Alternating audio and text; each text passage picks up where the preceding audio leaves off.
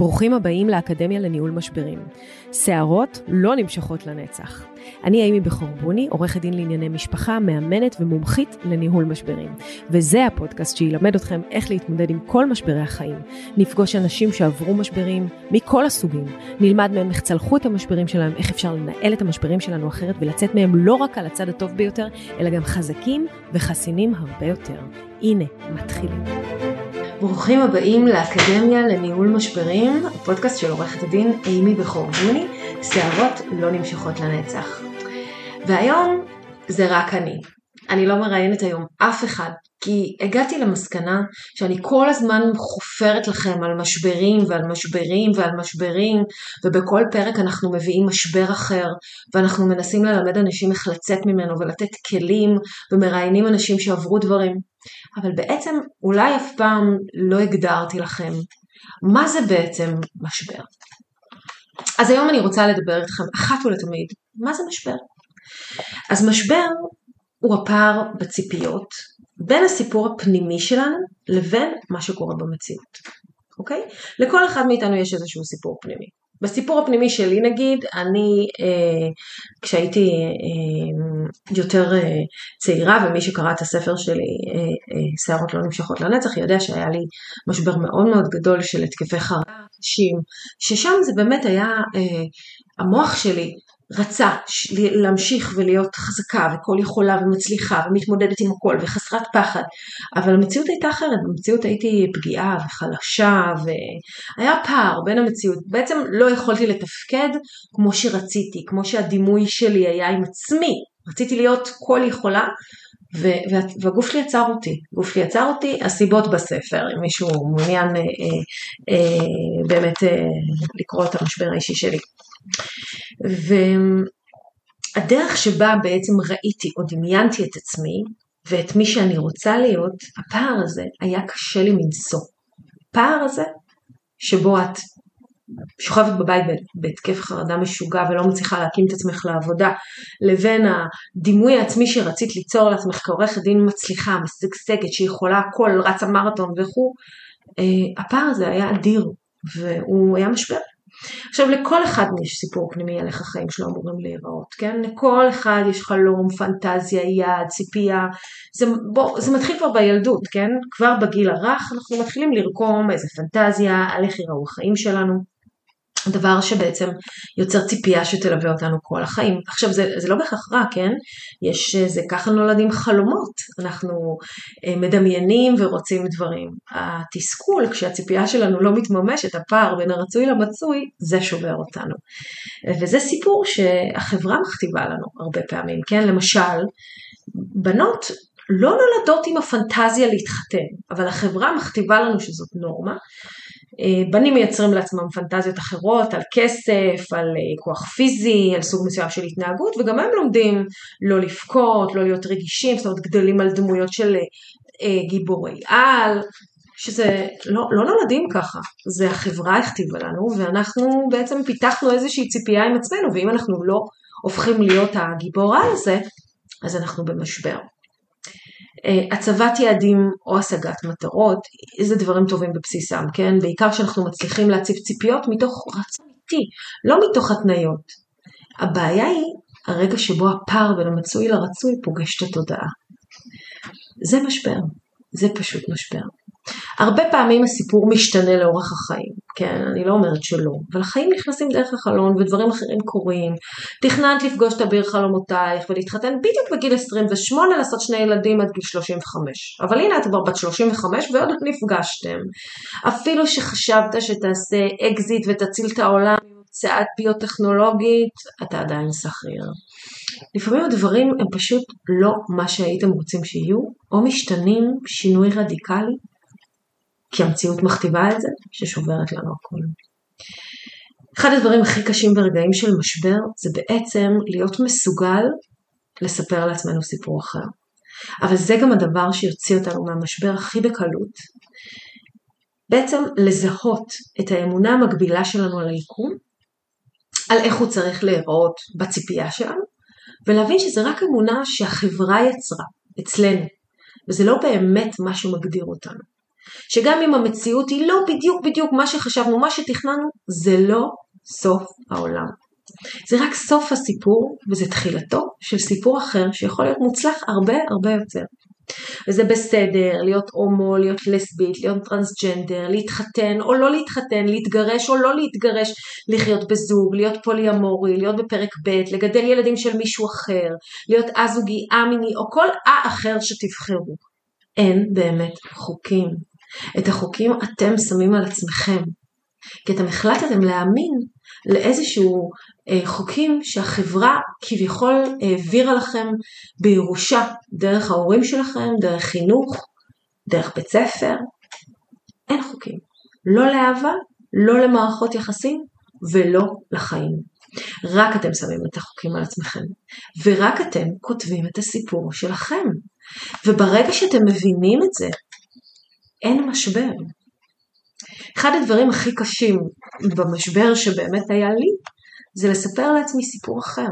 סיפור על מישהי שהיא גם מוצלחת, והיא גם יודעת לעשות כסף, והיא גם עורכת דין מעולה, אבל היא גם פגיעה.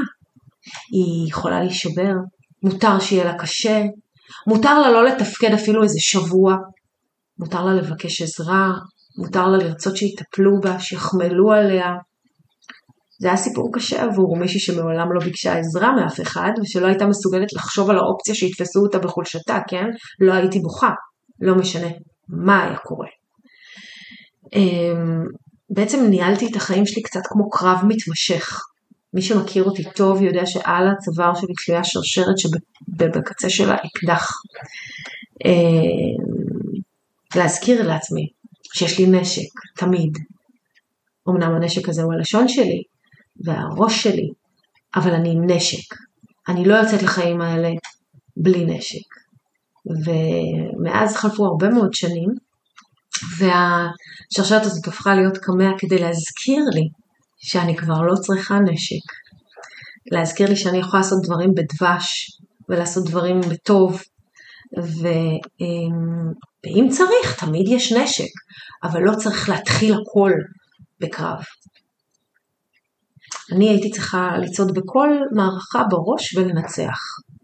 וכל התדמית העסקית שלי גם בתחילת הדרך, אני מדברת איתכם לפני 20 שנה, התבססה על מיליטנטיות וכוח ועוצמה וחוסר פחד, הייתי פירלס, פירלס.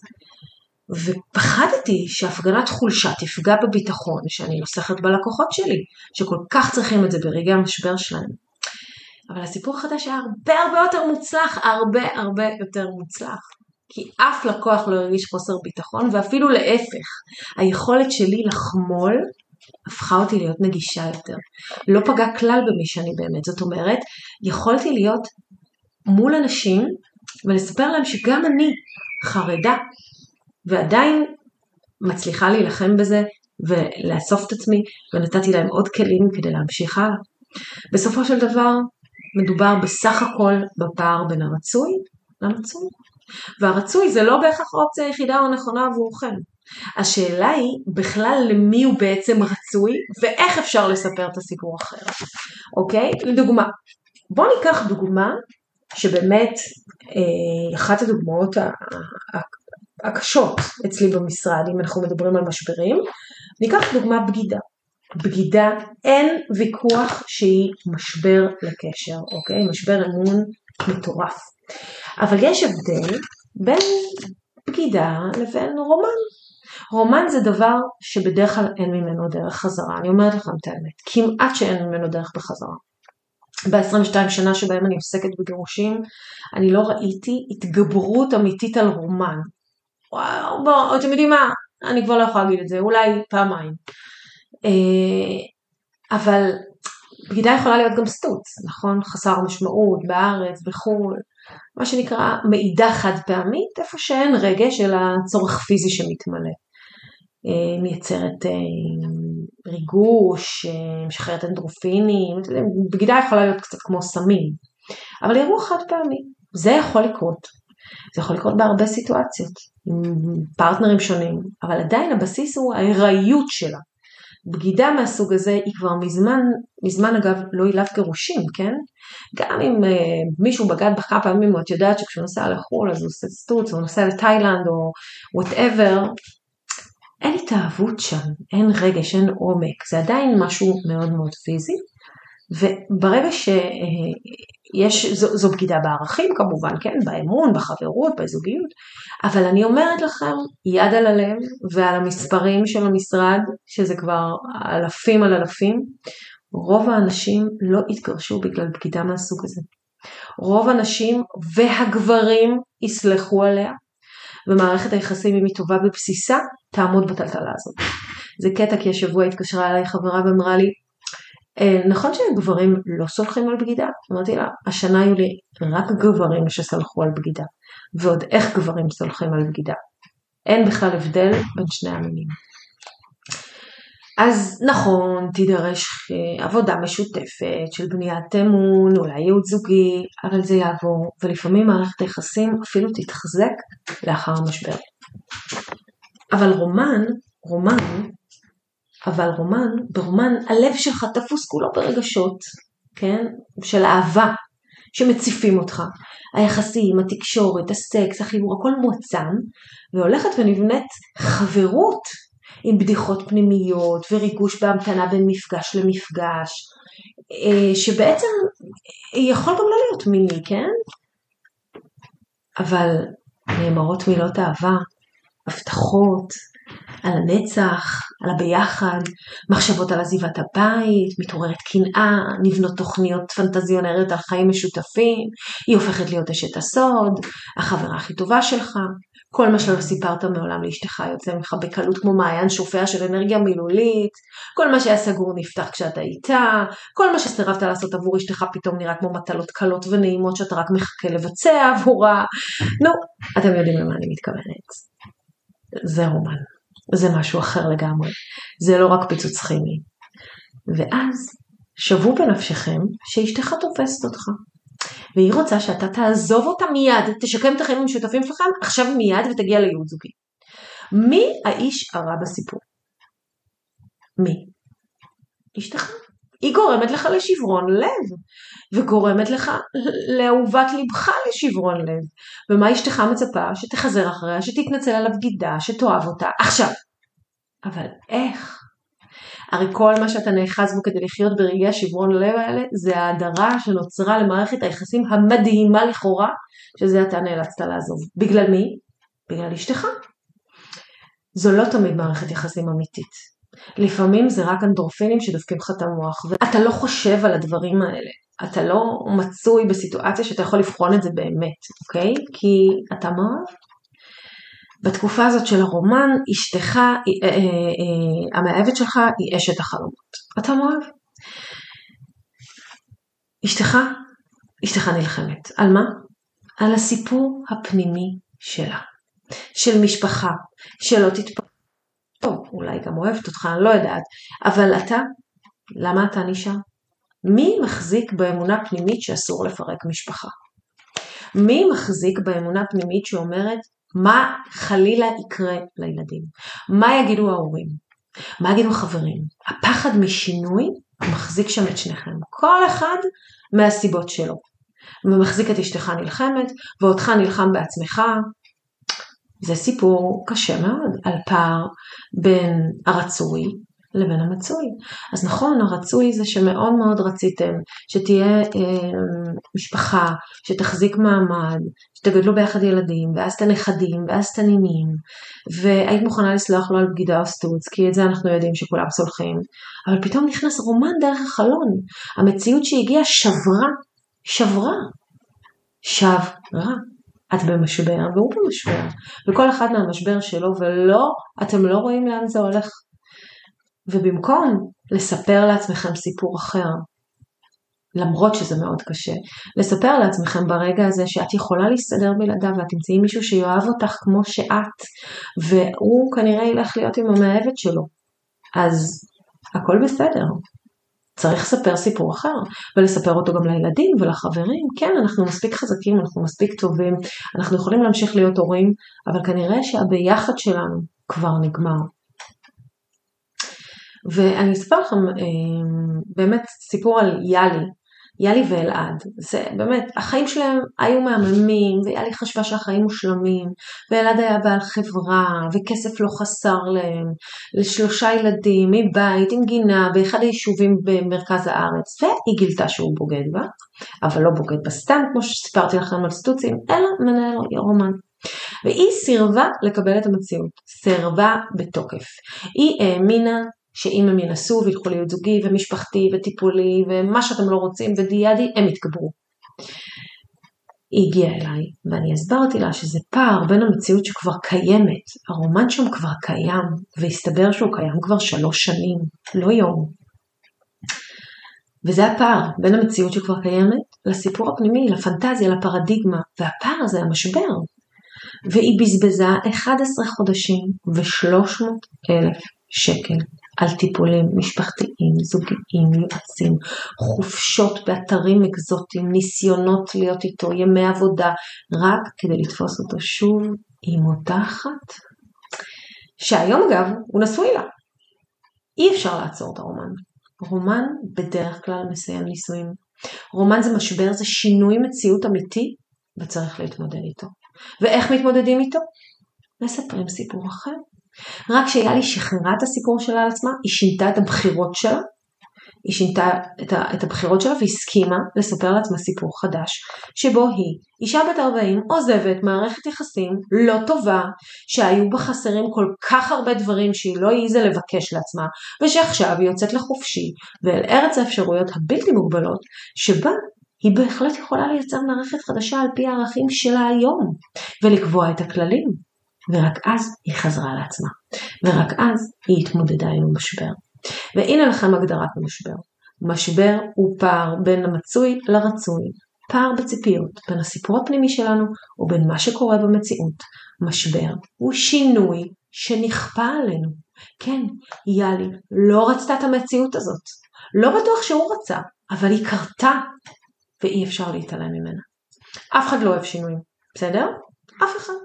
ועוד פחות מזה אנחנו אוהבים לדעת מה יקרה, לא אוהבים לדעת מה יקרה הלאה. עמוק בפנים כולנו, הילדים הקטנים שמבקשים לראות את אותו סרט של דיסני שוב פעם ושוב פעם ושוב פעם, כי אנחנו יודעים בדיוק מה עומד לקרות בסצנה הבאה. אבל האנשים המצליחים באמת, היזמים הגדולים, אוהבים שינויים. אפילו חיים בשבילהם. היכולת להסתגל למצבים חדשים, לא להיבהל משינויים, היא גורם רב משקל בכל הצלחה, בטח אגב בהצלחה עסקית וגם בהצלחה זוגית. היכולת לספר לעצמנו סיפור חדש, להתעלם מהמציאות כפי שדמיינו אותה, או כמו שרצינו אותה, או כמו שסיפרנו לעצמנו, או כמו שחלמנו, או כמו שכתבנו, ולהבין שהמציאות שנמצאת כאן היא אחרת, ולהבין שיש שינוי, ולהתמודד עם השינוי הזה, זה הכוח. זה הכוח האמיתי. נכון ששינוי בדרך כלל גורם לקריסה של המוכר והידוע, ומוכר וידוע לא בהכרח טוב. זה נוח, כן, שינוי כופה אי נוחות, אבל אנחנו הרי יודעים שגדילה באה רק במקומות לא נוחים, נכון? משבר אמון מול מציאות כפי שהכרנו אותה, אישה שתפסה את בעלה בוגד בה, עולמה קורס, זה נכון. כל מה שהיה איננו, היא כבר לא מאמינה לכלום, לשום רובד בחיים, הוא אומר שהכניס את הכסף לחשבון, היא לא מאמינה, הוא אומר שאין לו חסכונות, היא לא מאמינה, הוא אומר שמש בחוץ, היא לא מאמינה. עד שהיא לא תבדוק בעצמה מה זורח בשמיים, היא לא תאמין. זה משבר, זה משבר אמון אמיתי. וכולם מפחדים משינויים. ממה שהם יעשו להם ומאיך שהם ישפיעו על החיים שלהם. ולא רק בגירושים, שאדם מפוטר מעבודה נגיד, כן? בלי שרצה, בלי שתכנן, הוא מופתע. זה משבר ענק, מה יהיה, מה זה אומר עליו, איך החיים ייראו עכשיו, כל האמונות המקבילות עולות, אולי יחשבו שהוא אדם לא מצליח להחזיק עבודה, אולי יחשבו שהוא עצלן, אולי יחשבו שהוא לא יציב, מה אמא שלו תגיד על זה, איך הוא יספר לחברים, הרי מה החברה חושבת על מי שפיטרו אותו מהעבודה, האם התגובה הראשונית תהיה איזה יופי, זו הזדמנות למצוא משהו יותר טוב? לא, לא, לא ולא, לא יחסכו מכם בחיים את כל הפרדיגמות שגדלו עליהן כולם, נכון? פיטרו אותך מעבודה, אה, אולי משהו לא בסדר אצלך. אז משבר הוא מצב של שינוי שנכפה עלינו, וכולם מפחדים משינויים, כבר אמרנו. רוב האנשים אוהבים את מה שהם מכירים, גם אם הוא לא טוב. ולכן חלק מהאנשים קצת מכורים למשבר המתמשך שלהם. זה נותן להם הרבה מאוד תירוצים. שינוי עלול לפגוע במערך תירוצים שלם ולגרום לכך שנצטרך פתאום לפעול, אפילו שאין לנו תמיד את הרצון לפעול, נכון? כי יש שינוי אז חייבים לפעול, זה לא, לא כל כך תלוי בנו כבר. ואנחנו מעדיפים שלא, אנחנו מעדיפים לתלות את האשמה בגורם חיצוני, אנחנו מעדיפים אה, לנסות לשמר את הסיפור הישן, אנחנו מעדיפים לעבוד במשבר הזה ולשמר אותו, במקום להבין שאפשר לפתור אותו בעצם הסיפור החדש, בעצם שבירת הכללים, בעצם ההבנה שאולי זה קרה לטובה, אולי זה קרה לטובה. אני חייבת להגיד לכם שבאמת, בגלל שאני מציינת כל כך הרבה אנשים שמתגרשים, יש בחלק מהתיקים, חלק מהם אני מזהה התמכרות למשבר. בהתחלה יש חרדה גדולה מלנהל תיק גירושים, כן? מבית משפט, ממה יגידו, מכמה זה יעלה לי, מאיך זה יהיה, ואז אנחנו כותבים תביעות, והלקוחות מתאהבים בתביעות, מתאהבים בדרישות, בסיפור כפי שהוא מסופר באופן חד צדדי, מאמינים לו, ואז מתקשים לשחרר. יש תיקים שמתנהלים כל כך הרבה שנים, אף על פי שזה כבר רבים על שטויות, רק כי באופן תת-הכרתי סיום התיק בעצם ייתן אור ירוק שצריך להמשיך לשחרר ולהמשיך לחיות בלי הבן זוג, בלי הסכסוך, ולמצוא את עצמך בעולם חדש. והפחד הזה מעולם חדש משאיר אותך אוחז בעולם הישן, בסכסוך, חבוט, עקוב קרבות, ולרוב גם סופר מיותר, וגם סופר יקר. אנחנו רואים את זה אצל סרבני גט וסרבניות גט, נשים שמסרבות להתגרש. אין באמת לא סיבה לא לתת למישהו גט, במיוחד אם את כבר לא גרה איתו, כן? כל ענייני הרכוש סגורים ועדיין היא לא נותנת לו גט. מתוך איזה נקמה, אחיזה במה שנשאר, מתוך פחד אדיר לשחרר. אבל אם תסתכלו רגע, השינוי כבר קרה. זה כבר קרה. הוא כבר עזב, הוא כבר ביקש את הגט, הוא כבר במקום אחר. כל מה שאת צריכה לעשות זה שנייה להבין שאת כבר בסיפור חדש. זהו, זה משבר. משבר, שינוי שנכפה עלינו ופער בין המצוי לרצוי. וכל מה שצריך באמת לעשות בסוף כדי לפתור אותו, זה באמת לספר סיפור חדש. אז איך עושים את זה? אני ממליצה לכם מאוד לקנות את הספר שלי, שערות לא נמשכות לנצח, שם אני מספרת על כל השיטה שלנו אה, לניהול משברים ואיך עושים את זה. אבל גם כאן יש פודקאסט, אני לא זוכרת איזה מספר, בתחילת הדרך תריצו, אה, שבו אני מספרת על כל מתודולוגיה לניהול משברים ועל השיטה שלי בספר, הפודקאסט נקרא בעצמו שערות לא נמשכות לנצח, איך לנהל משבר, ואני מספרת את השיטה. אה, אז תודה שהקשבתם. ואם תרמתי לכם אז נהדר ואני אשמח לשמוע מכם. ואם uh, אתם מרגישים שזה יכול לעזור למישהו אז אני אשמח אם תשתפו את הפרק. אנחנו איתכם גם בפודקאסט, גם באינסטגרם, גם בטיק טוק, גם בבלוג. צרו איתנו קשר. תודה רבה רבה.